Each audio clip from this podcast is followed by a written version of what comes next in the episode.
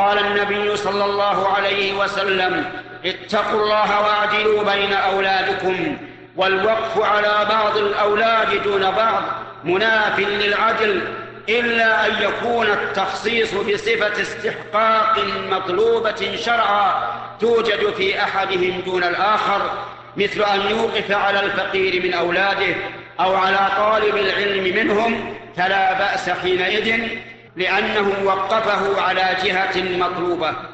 فإذا وقفه على الفقير منهم فلا حظ فيه للغني حال غناه. وإذا وقفه على طالب العلم فلا حظ فيه لغير طالب العلم حال تخليه عن الطلب.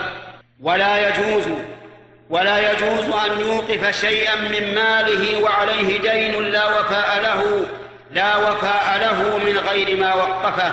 حتى يوفي دينه لأن إيقافه إضرار بغريمه ووفاء الدين أهم من الوقف لأن قضاء الدين واجب والوقف تطوع.